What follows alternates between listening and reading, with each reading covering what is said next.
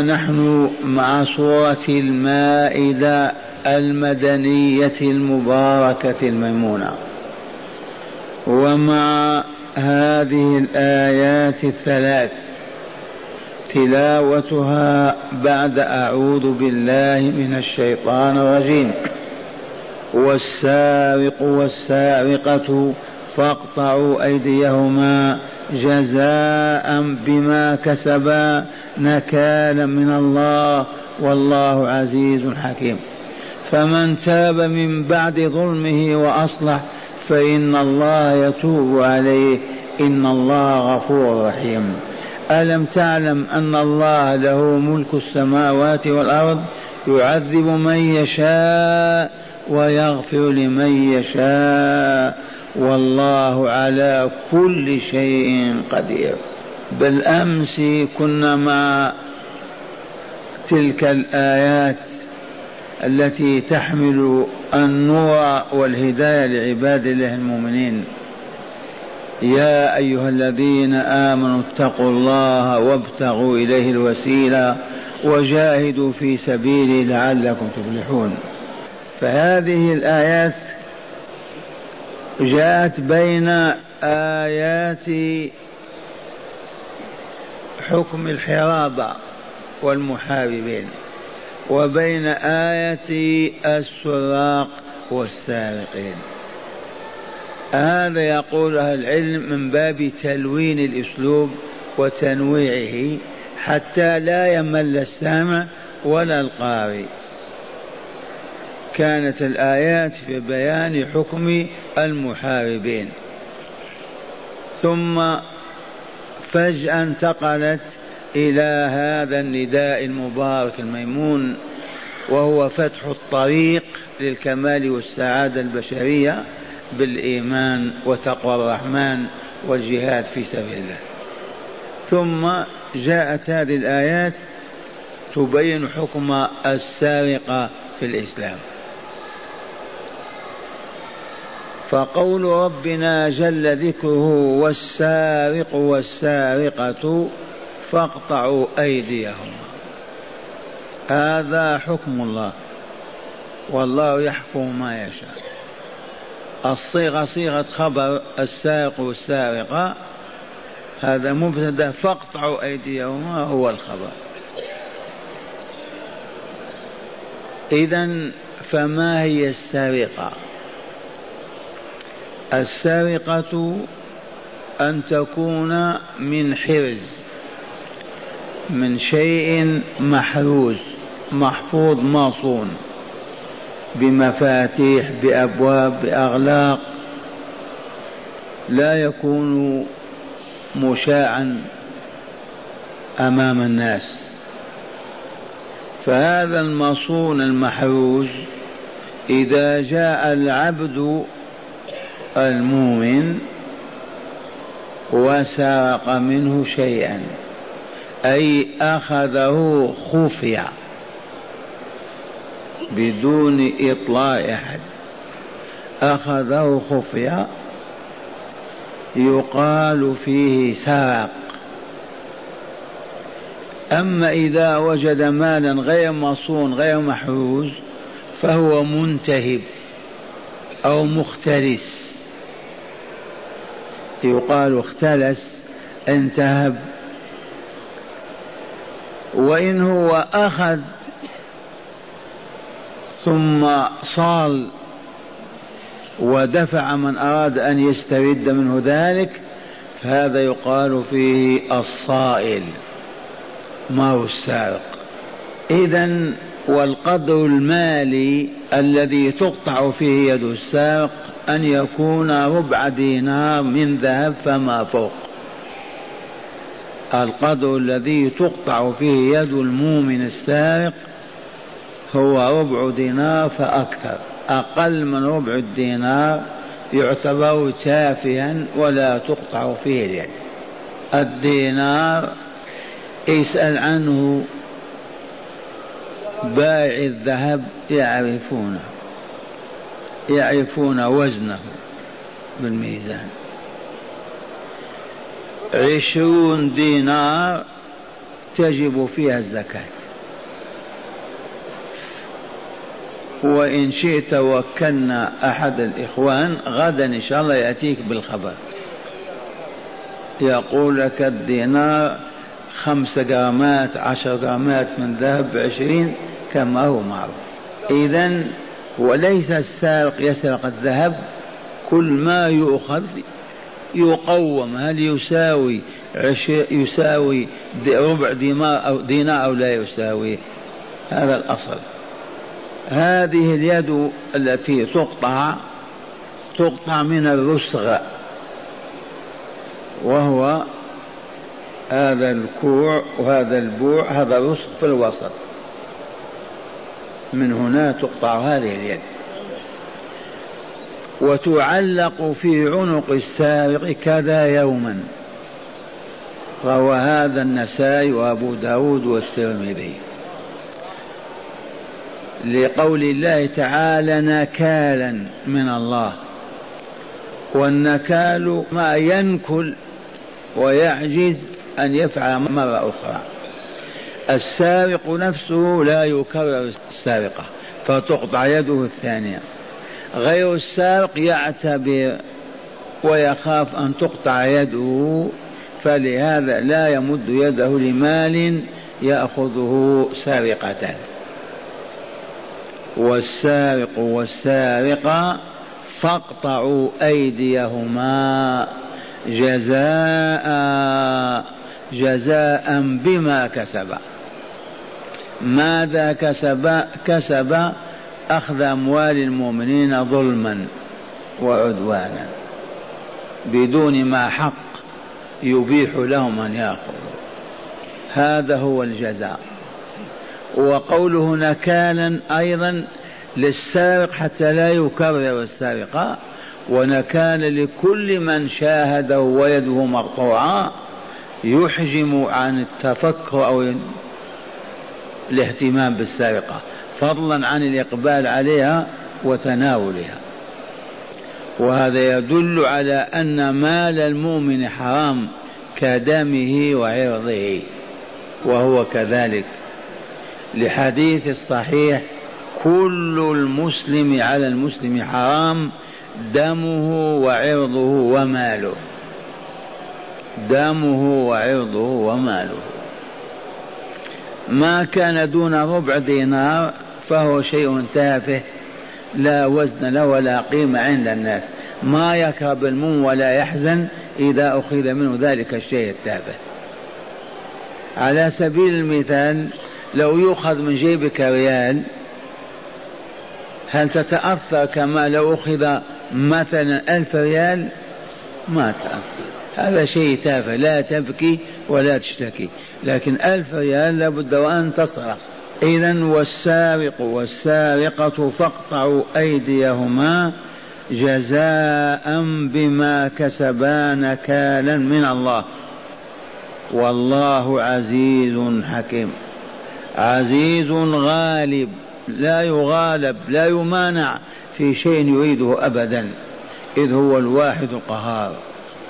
حكيم لا يشرع إلا ما في حكمة. فكل شرع الله عز وجل من قتل القاتل إلى قطع يد السارق إلى رجم الزاني إلى قتل المحارب. كل ما شرع الله هو قائم على مبدأ الحكمة وهي وضع الشيء في موضعه. الحكيم ذلكم الذي يقول الكلمة في موضعها يتحرك الحركة في موضعها. كل حركة وكل عمل وسكون قائم على مبدأ الحكمة.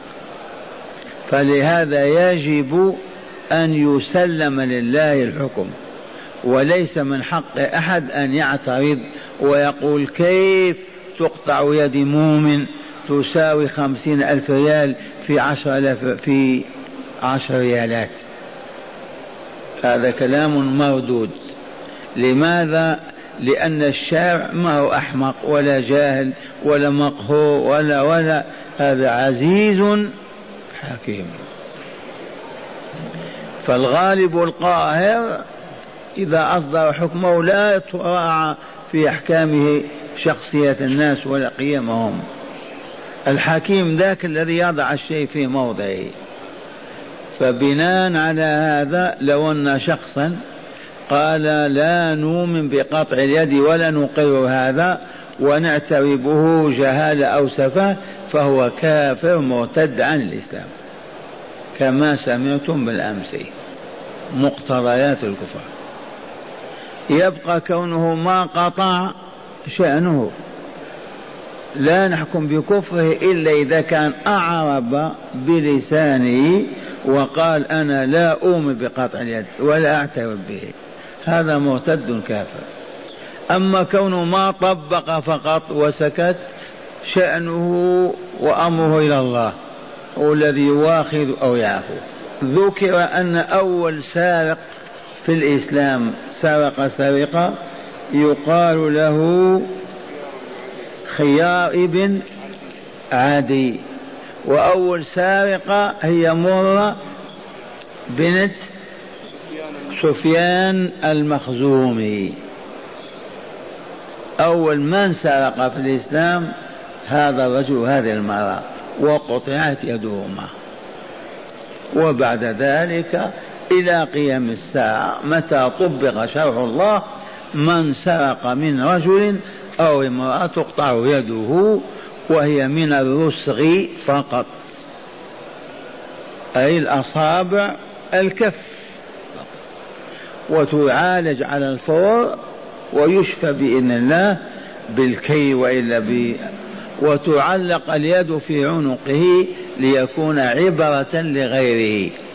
والله يقول نكالا من الله. من أجل أن ينكل الناس عن الإقدام على السرقة وأخذ أموال الناس. والسارق والسارقة فاقطعوا أيديهما جزاء بما كسبا نكالا من الله والله عزيز حكيم. ثم قال تعالى فمن تاب بعد ظلمه وأصلح. كان يسرق ولم يلقى القبض عليه ولم يعرف.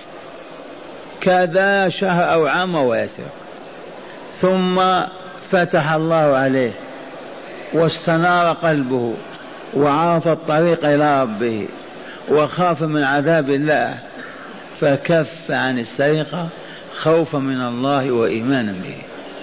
ومعنى هذا أنه رجع إلى الحق رجع إلى الصواب. إذ من الحق والصواب أن لا يأخذ مال المؤمنين. ولا مال الكافرين كان في جهالة في ضلالة الشياطين تؤزه أزا ثم أراد الله هدايته فسمع كلمة أو رأى رؤيا كذا تاب الله عليه. فمن تاب من بعد ظلمه أي بعد ما سرق. وهذا ما قطعت يده لأنه ما ضبط ما عرف. وأصلح أي ما كان قد أفسده. من هذا الإصلاح أن يرد الأموال التي أخذها بأسلوب وآخر. سرق من فلان نعجة يقدرها كم تساوي؟ قال بمئتين ريال يجعلها في ظرف ويبعثها بالبريد. يجعلها في ظرف ويرميها تحت الباب. بدون ما يطلع عليه أحد. من إصلاحه أن يرد الأموال التي سرقها. إن قدر على ذلك. عاجز؟ تبقى النية في قلبه واضحة. متى يسر الله علي وحصلت على مال سوف أقضي ذلك المال وأرد إلى أصحابه. أما إذا تاب عن السرقة فقط وفي بيته أموال الناس وهو قادر على ردها ولم يردها ما تاب. لأن الله قال تاب وأصلح معا لكن إذا كان ما سرقه أكله وما عنده شيء هذا فقط تكفيه النية والعزم القلب على أنه لو أمكنه أن يرد هذه الأموال لردها. في المستقبل يفتح الله عليه في تجارة في وظيفة ويأخذ يسدد تلك الأموال. وقد تكون مالا واحدا. فمن تاب وأصلح فإن الله يتوب عليه. يغفر له ولا يواخذه. وعلل تعالى ذلك بقوله إن الله غفور أي للتائبين من عباده. رحيم بالمؤمنين منهم. فما كانت صفة الرحمن المغفرة والرحمة إذا لا تعجب أنه يغفر لذلك اللص الذي تلصص زمنا وتاب وتاب الله عليه وغفر له. فإن الله يتوب عليه إن الله غفور رحيم. سبحانه وتعالى. هنا ما حكم من سرق وقطعت يده؟ هل يطالب برد المال الذي سرقه أو يكفيه قطع يده؟ القول الذي يرى أنه هو الصواب والحق هو قول مالك رحمه الله. ما هذا القول؟ وهو أعدل وأرحم. يقول السارق نعم قطعت يده. إن وجد ما سرقه يجب أن يؤخذ عنه ويرد إلى صاحبه. ما يكفيه قطع اليد. إن لم يوجد ذلك المسروق السيارة باعها كسرها كذا. ننظر إذا كان له مال ولو يسر يؤخذ من ماله قدر ما سرقه. فإن كان لا مال له ماذا نصنع به وقطعت يده؟ قال يكفيه قطع يده ولا شيء عليه. وهذا أعدل وأرحم. مرة ثانية السارق لما ضبط وقامت الحجة بالسرقة وقطعت يده هل يطالب برد المال المسروق أو لا يطالب؟ في من يقول يكفي قطع يده. قطع اليد تساوي نصف الدية أو الدية بكاملة للإنسان. والصحيح أنه يطالب برد المال الذي سرقه. فإن كان موجودا بعينه فذاك. فإن لم يوجد بعينه وعنده أموال أخرى يؤخذ منها ما يسدد ذاك المسروق ويعطى قيمته. فإن كان لا مال له يكفيه قطع يده وهذا أعدل وأرحم. ومسألة أخرى إذا سرق الرجل من مال ولده لك ولد غني والحمد لله وأنت أيها الأب فقير أو عندك مال وما استغنيت وسرقت من مال ولدك وضبطت فهل تقطع يد الوالد الذي سرق من مال ولده الإجماع أنها لا تقطع؟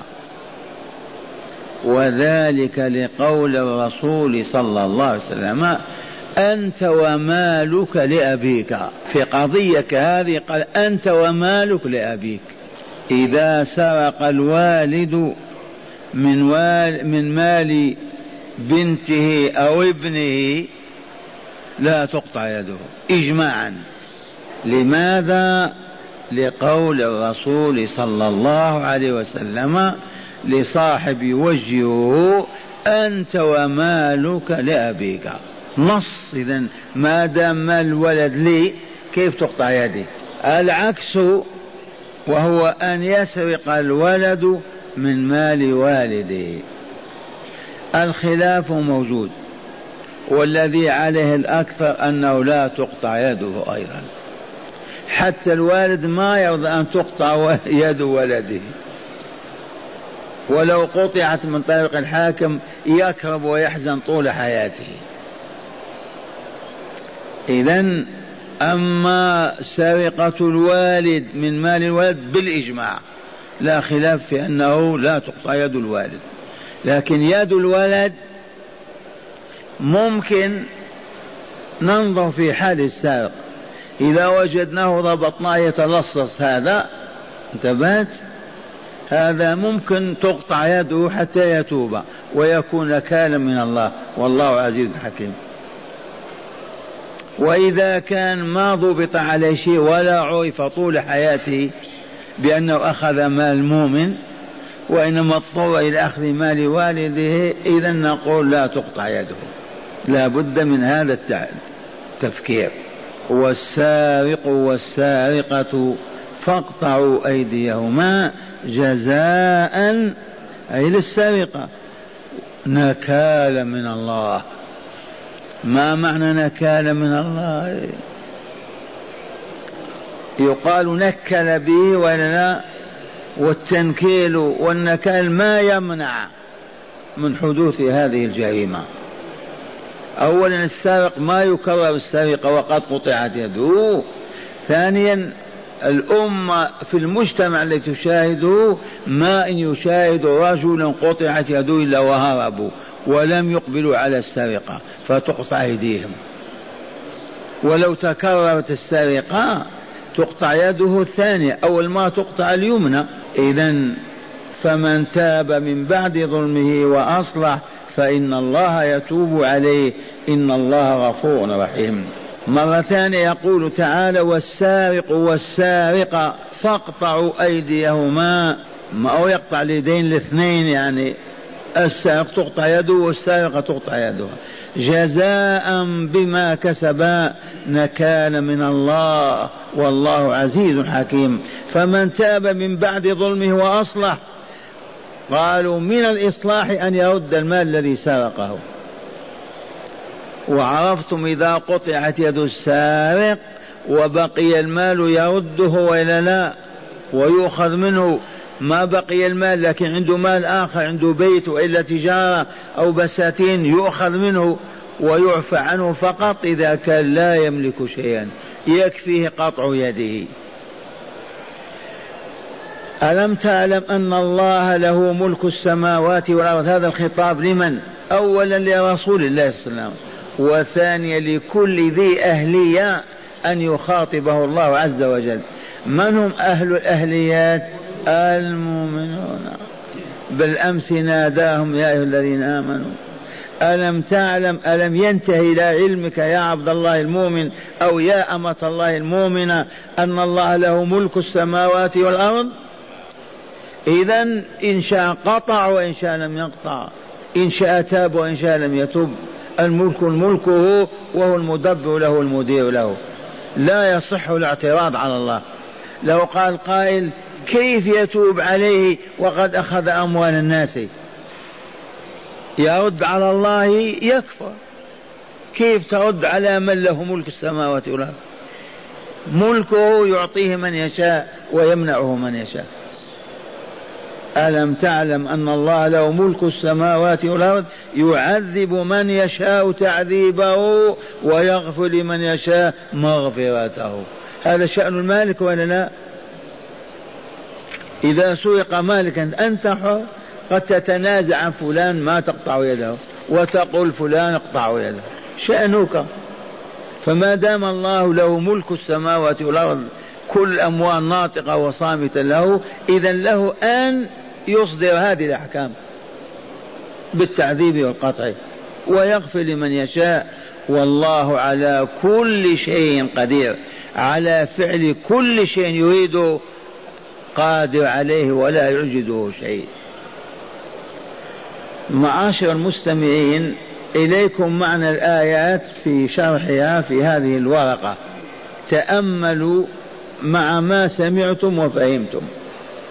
قال يخبر تعالى مقررا حكما من أحكام شرعه وهو أن الذي يسرق مالا يقدر بربع دينار فأكثر.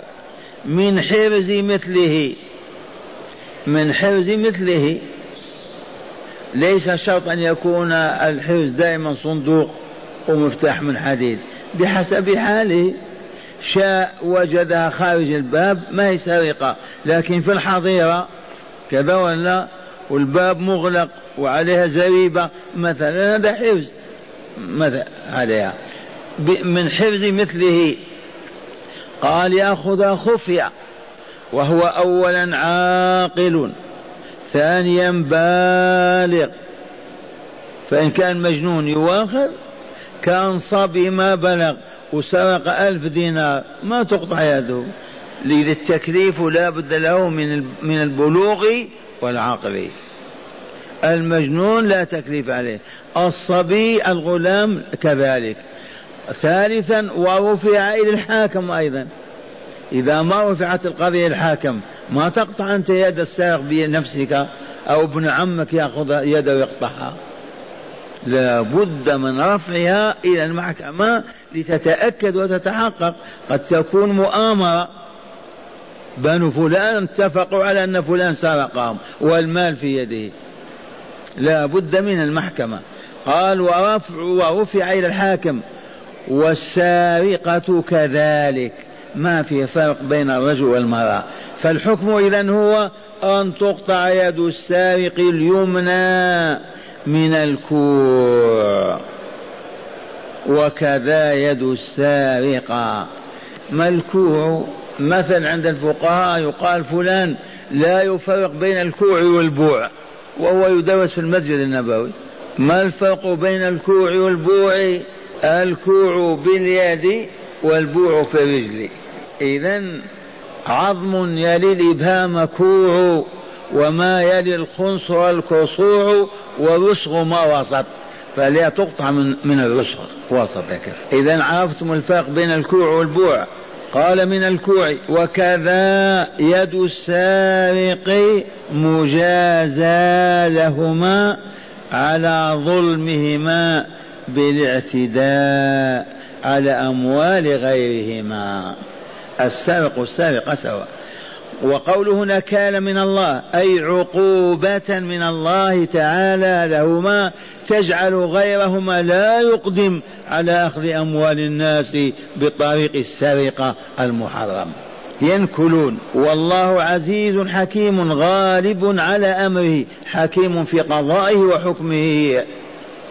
هذا معنى قوله تعالى والسارق والسارقة فاقطعوا أيديهما جزاء بما كسبا. السببية بكسبهما نكال من الله والله عزيز حكيم. أي بما كسب من الإثم نكال من الله والله عزيز حكيم.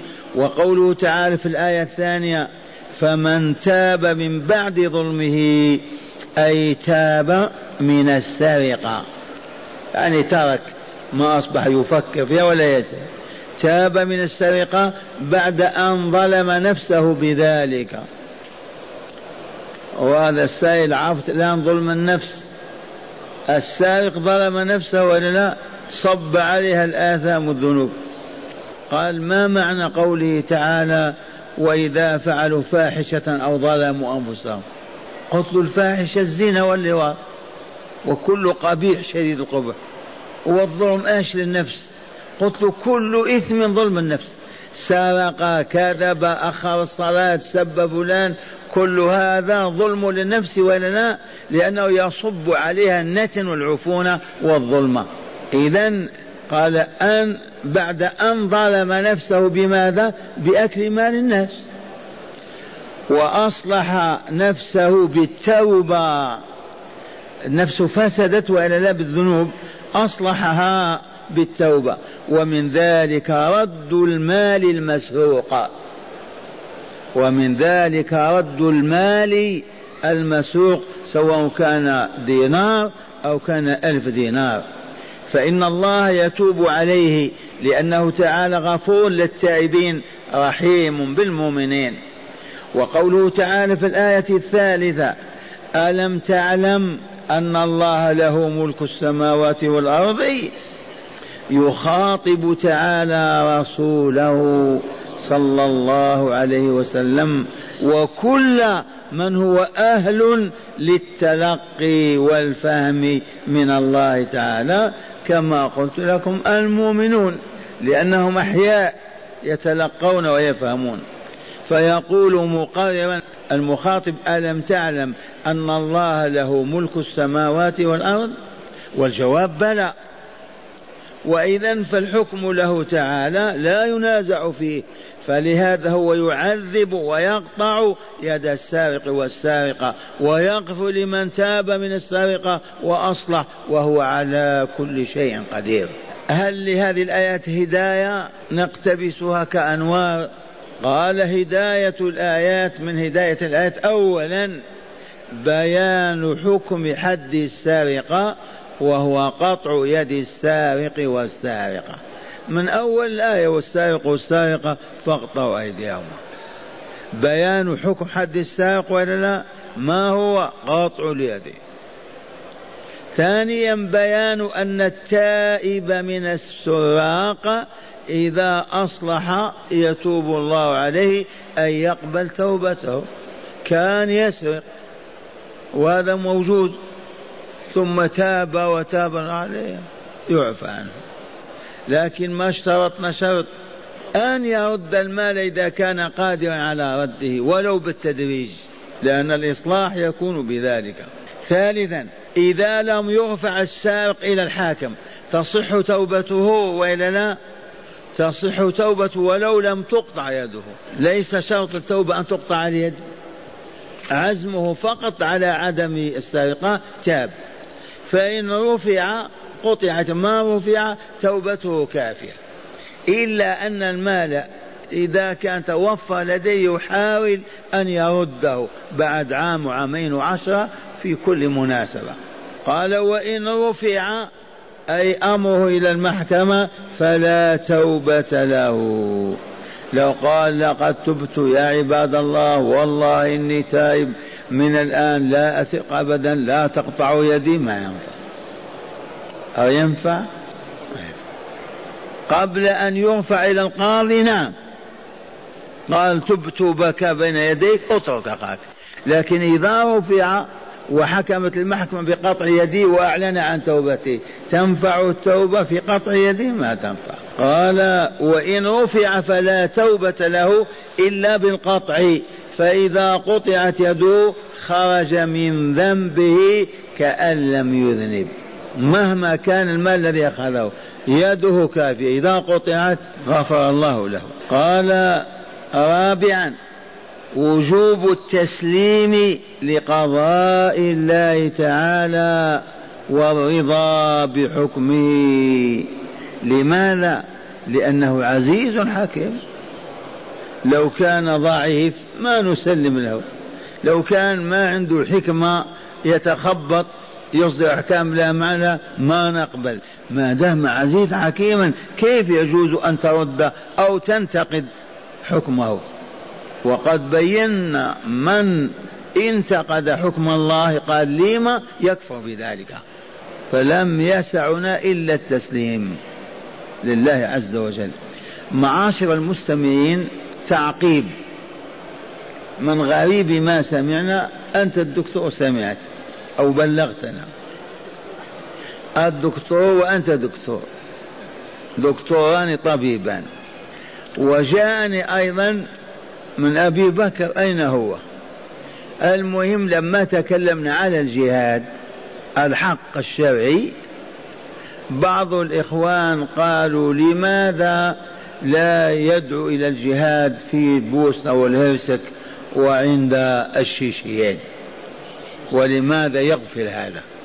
وآخرون قالوا لما الشيخ يقول بالجهاد مع الشيشة ومع كذا والناس يبكون على أولادهم الأمهات كذا ما حق الشيخ يقول هذا. كل يقول بحسب فهمه ولا حرج. أولا لسنا بقادرين على إفهام كل سامع وسامعة. هذا لا يقدر عليه إلا الله. لكن فقط شيخكم مستعد إذا أخطأ أن يعلن عن خطئه ويستغفر الله فيه ويطلب من السامعين أن يستغفروا له. هذه قاعدة عامة من 43 سنة. ما نرضى أن نقر الخطأ أبدا ولا يحل.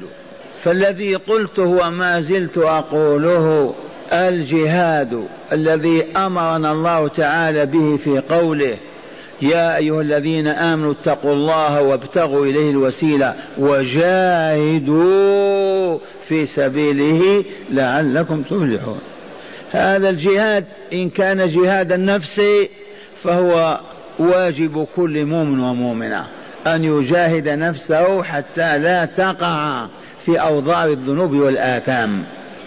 لا سرقة لا خيانة لا غيبة لا كذب لا كل ذنب يجاهد نفسه حتى ما ترتكبه. لا تترك واجب ولا تخشى محرمة وهذا الجهاد متواصل حتى الموت. كل مؤمن ومؤمنة إلا إذا كان ما بلغ سن التكليف أو كان مجنونا. فما منا إلا وهو يجاهد الليل والنهار. الدنيا الشيطان الهوى النفس هذه أربع طوام أو خمسة. فليس منا من هو مستريح لا جهاد أبدا. جهاد المشركين الكافرين الظالمين. ماذا قلت لكم؟ لا بد من إمام يقود المسلمين إلى أن يجاهدوا الكافرين والمشركين. أمر مفروغ منه. ومتى يرفع الإمام الراية ويدعو إلى الجهاد؟ إذا كان قادرا على أن ينقذ هذه الأمة في جواره وهي مشركة وكافرة وعنده القدرة الكافية حينئذ يعد عدته ويخرج إلى تلك البلاد ويراسل ملوكها ورؤساها ويخيرهم بين واحدة من ثلاثة إما الدخول في الإسلام إما الدخول تحت راية الإسلام لنتمكن من تعليم الناس وتوجيههم ويبقون على أموالهم وبلادهم ودينهم. فإن رفضوا الأولى والثانية فما هو إلا القتال. لنخضع الحاكم وجيشه وندخل إلى المؤمن إلى البشر ننقذهم من الكفر والشرك والظلم والفساد. ثانيا إذا كان الحاكم عاجزا واضطر إلى معاهدة بينه وبين هذه الدولة الكافرة ليأمن ظلمها وقتالها ما دامت المعاهدة موجودة لا يحل نقضها ونكثها حتى ينقضها الكافر. وإلى يوم القيامة. وإن جنحوا للسلم فاجنح لها وتوكل على الله والسلام العليم.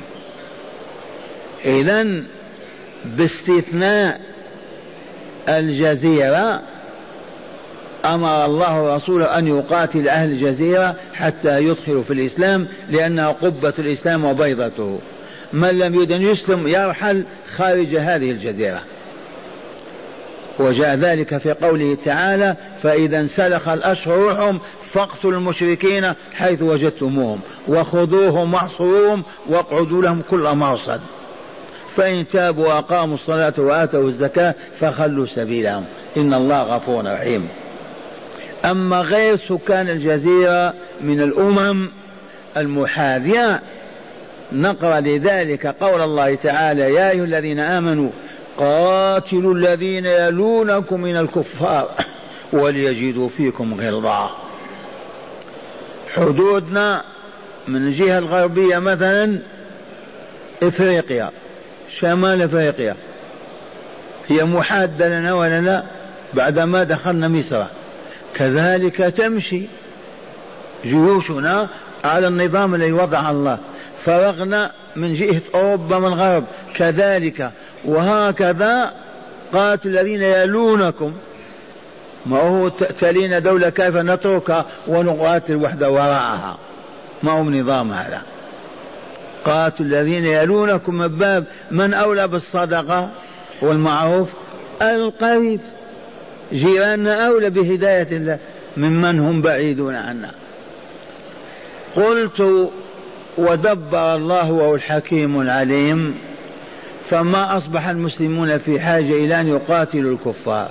ثباتهم لأن بلادهم مفتوحة لنا. لو أننا دبرنا أمرنا واستعنا بربنا وبعثنا الدعاة وزودناهم بالكتاب والمال لن تشار الإسلام في الشرق والغرب. فرصة ذهبية. لا أقول دائما قد تنتهي لكن موجودة الآن. ليس من حق أي جمع. يقول الآن نخوض البحر إلى نقاطل إيطاليا حتى تدخل في الإسلام. أبدا ولا يجوز. تفضل ادخل. ادعو إلى الله عز وجل. هذا مثال.